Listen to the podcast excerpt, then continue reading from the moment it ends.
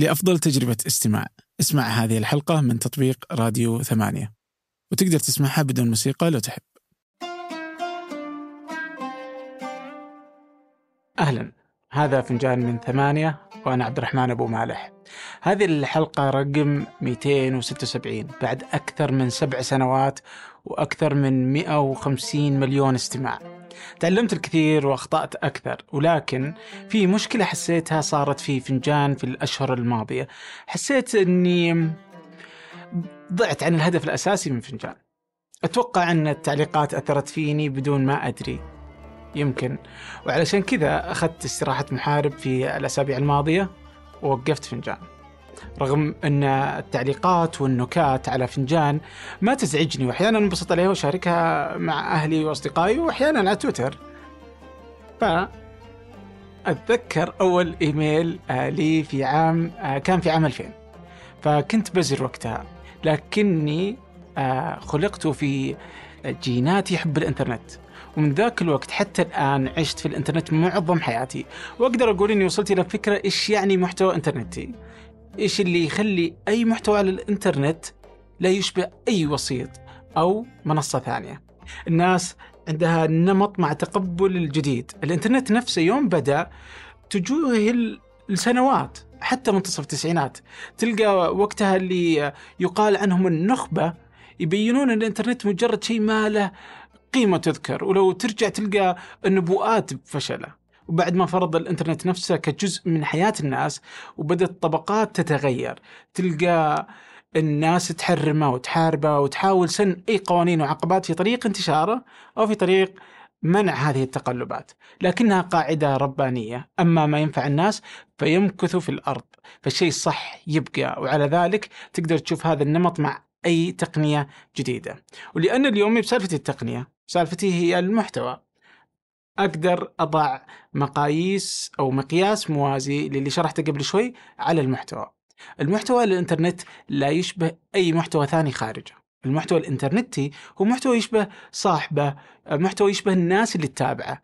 كان زمان على التلفزيون في واحد يختار معيار المحتوى ومعيار المقدم ومعيار اللغة ومعيار ومقدار تقعرها ويختار كرفتة أو نوع شماغ المقدم ويختار توجه القناة وما يستحق الناس أن يسمعوا وما لا يجب أن لا يسمعوا. آه يعتقد أنه يفهم أكثر مننا. وهذا الزمان انتهى. نقطة. الحين تقدر تكتب مقالات من ثلاث كلمات أو عشر آلاف كلمة.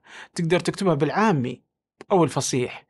أتذكر قبل كم سنة كنا ننشر في ثمانية المقالات بطريقة عناوين شوفها مناسبة. وجاني رئيس تحرير لصحيفة تقليدية. جاني وعيونه تكاد تطاير غضبا.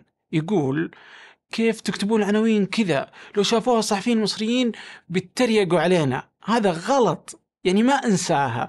وطبعا ما غيرنا طريقه ولا اهتميت له ولا للصحفيين في مصر أو غيرها. إذا هو يشوفها صح يكتبها طريقته. والناس اليوم عندها قدرة الاختيار. إيش علاقة هذا كله من فنجان؟ أعتقد واضحة. البودكاست بغض النظر عن فنجان هو مكان يجب يجب أن يكون عفوي. والعفوية مو أنك تنزل الشماغ أو تتكلم عامي لا.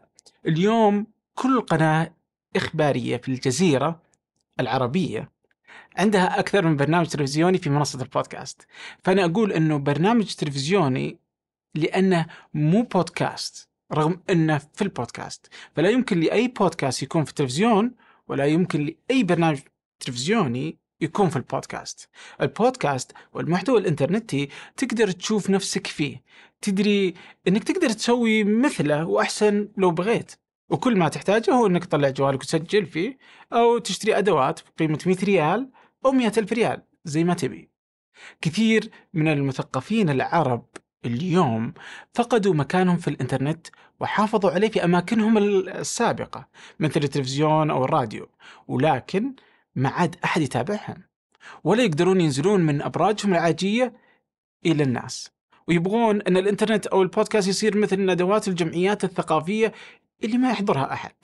الناس اليوم تبحث عن الثقافة وعن التطوير وتطور نفسها ومجتمعها وأوطانها في كل المجالات لكن بأسلوبهم.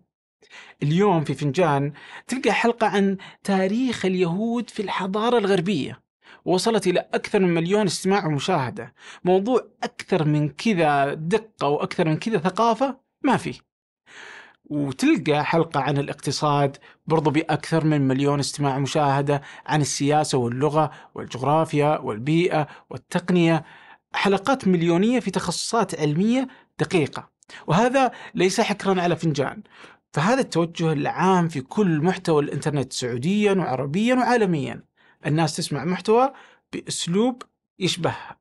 البودكاست ومحتوى الشباب في الإنترنت فرض نفسه كجزء من حياة الناس وغير الطبقات الثقافية النخبوية وقلبها رأسا على عقب. أنا هنا ما أدافع عن فنجان ولا عني فأخطائي كثيرة ولكل آه، نصيب من النقص.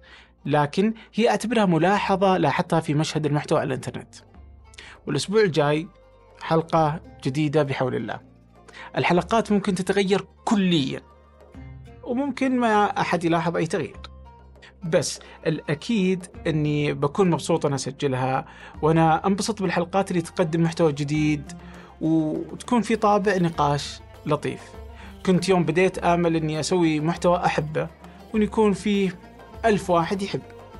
الحمد لله اليوم عشرات الملايين يحبونه وهذا فضل من الله عز وجل علي.